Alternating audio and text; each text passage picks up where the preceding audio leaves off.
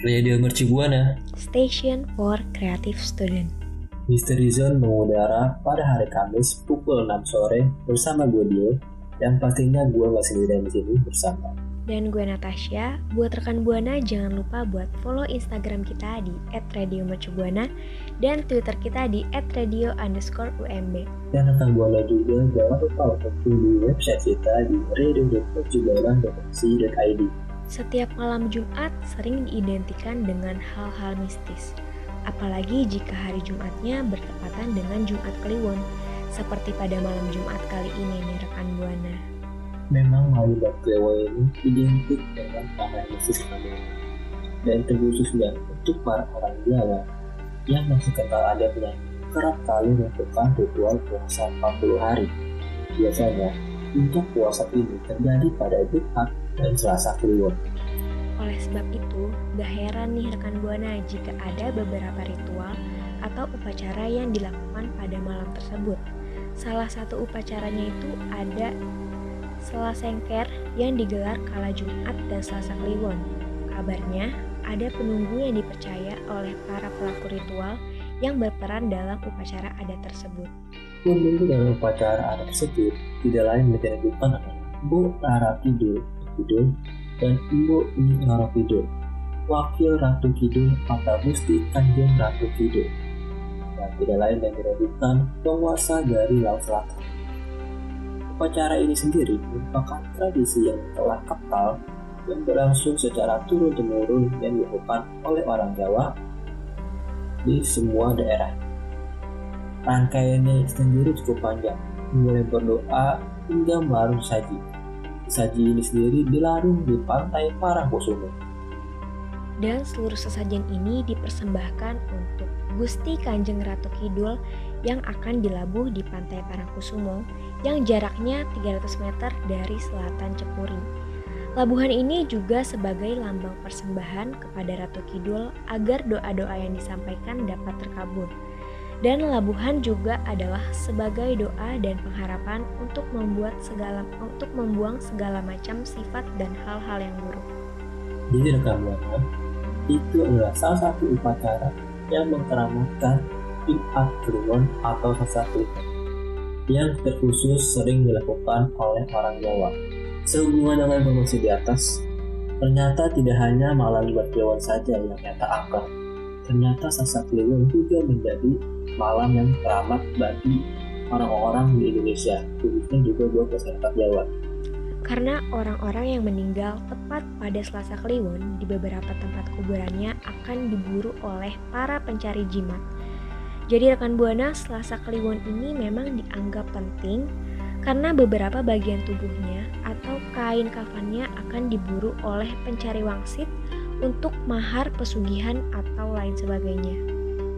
dan juga kematian seseorang warga yang bertepatan dengan hari Jumat atau Selasa Kliwon bagi masyarakat Jawa tengah dianggap memiliki garis khusus.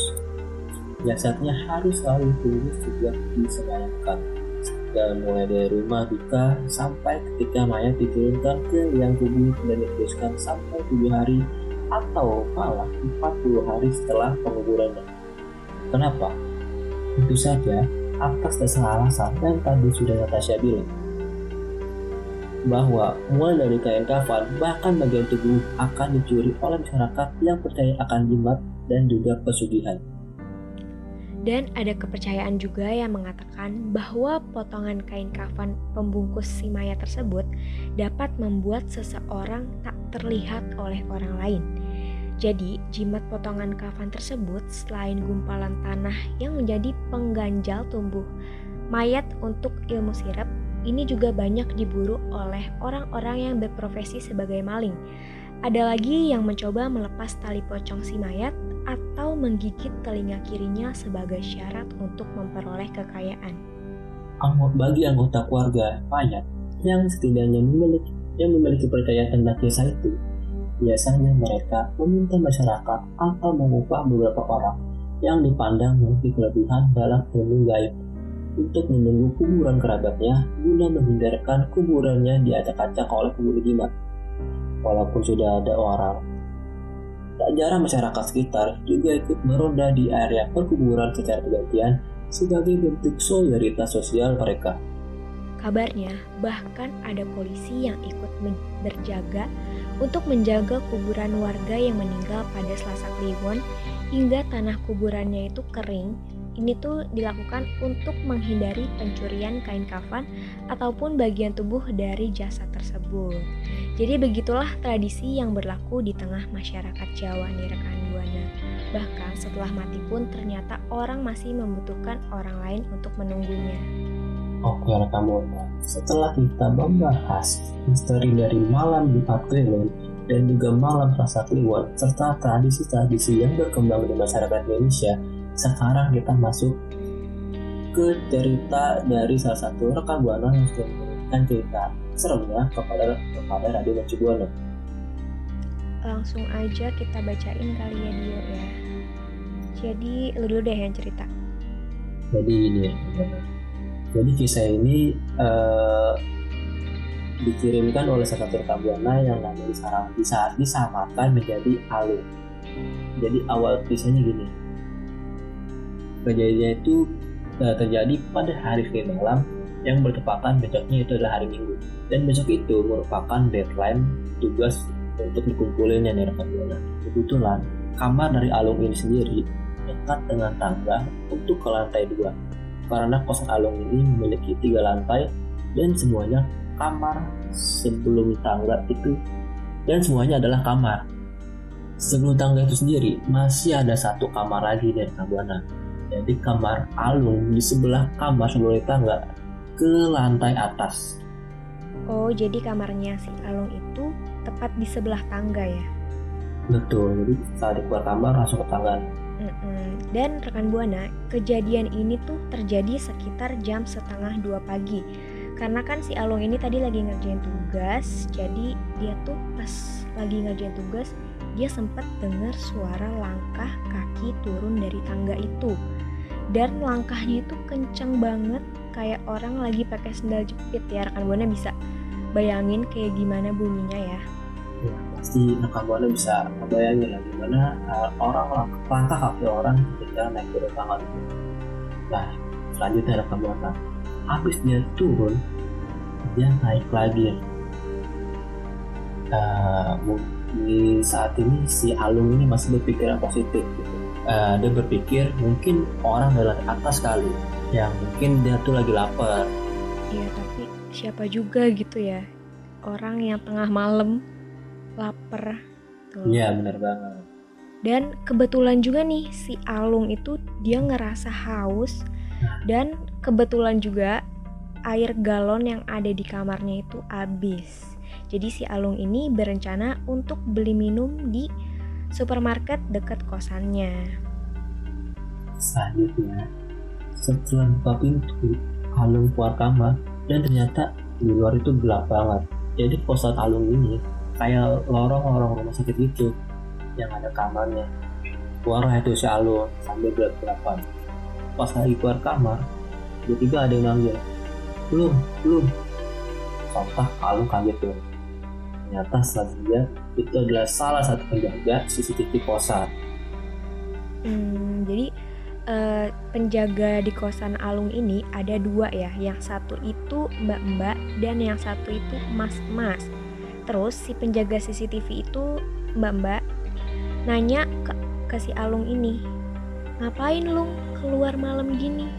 Nah si Alung jawab, mau beli minum mbak. Ya setelah Alung udah putus gak jelas bapaknya lihat oh alah mbaknya gitu terus tiba-tiba mbaknya nanya gini ke Alung loh tadi dengar suara-suara nggak karena Alung kepikiran suara kayak gitu gitu kan ya bilang aja nggak denger dong.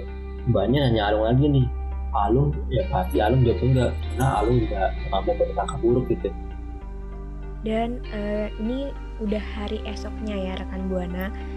Pagi harinya itu si Alung berangkat ke kampus nih. Jadi Alung berangkat pagi dan pulangnya itu sore dan ternyata pas pulang ada anak-anak di kosannya Alung yang udah pada kumpul di depan kosan lagi cerita-cerita Nah, rekaman ceritanya ini sama mbak-mbak penjaga CCTV semalam. Terus mbak-mbaknya nyalung lagi dong. Belum, seriusan gak dengar apa-apa. Ya, jawab, ada sih mbak, dengar suara itu yang turun di lantai atas, terus naik lagi. Terus mbak-mbaknya bilang, nah bener kan mbak lihat di CCTV nggak ada yang turun apa belum nah berarti itu yang ditakutkan oleh si Alung ini benar kejadian dong ya rekan buana karena yang dilihat dari mbak-mbak di CCTV-nya ini gak ada siapa pun yang naik ataupun turun tangga. Pas dengar itu Alung berarti langsung shock. Dan ternyata kamar yang kali itu adalah kamar sebelah Alung alias kamar sebelum tangga. Sebelah kamar Alung dinding dan sebelah kamar Alung yang dibatasin sama dinding. Hmm, jadi tepat di uh, dekat kamarnya si Alung ini ya itu adalah kamar kosong rekan buana karena menurut cerita dari orang kosan tersebut itu ada hantu cewek yang suka duduk di atas lemari. Karena kejadian itu, akhirnya si Alung memutuskan untuk pindah kosan nih rekan Buana. Dan tentunya pengalaman itu juga pengalaman dari Alung sendiri rekan Buana. Dan mikir Alung itu mbaknya nanya-nanya suara ketawa, nangis gitu-gitu ya. Jadi itu dia rekan Buana cerita dari si Alung yang telah membagikan ceritanya ke kita nih untuk dibagikan ke rekan Buana yang lain. Kalau misalkan rekan Buana mau juga sharing-sharing tentang cerem atau cerita serem, bisa ke mana Dio? Bisa langsung DM Instagram kita di Buana dan juga bisa untuk mention di Twitter kita at radio underscore UMB. Dan jangan lupa hashtagnya Mystery Zone. Nah, rekan Buana, sepertinya dua kita pamit bersuara. Kalau lebih video dia pamit bersuara, dan gue Natasha juga pamit undur suara. Jangan lupa nanti kami Zoom setiap hari Kamis jam 6 sore. Dan jangan lupa juga buat follow sosial media kita di Instagram @radiomercubuana dan Twitter kita di @radio_umb. Tentunya jangan lupa juga untuk kunjungi website kita di radio.mercubuana.ac.id. Kalau gitu gue dia pamit undur suara. Dan gue Natasha pamit undur suara. Bye.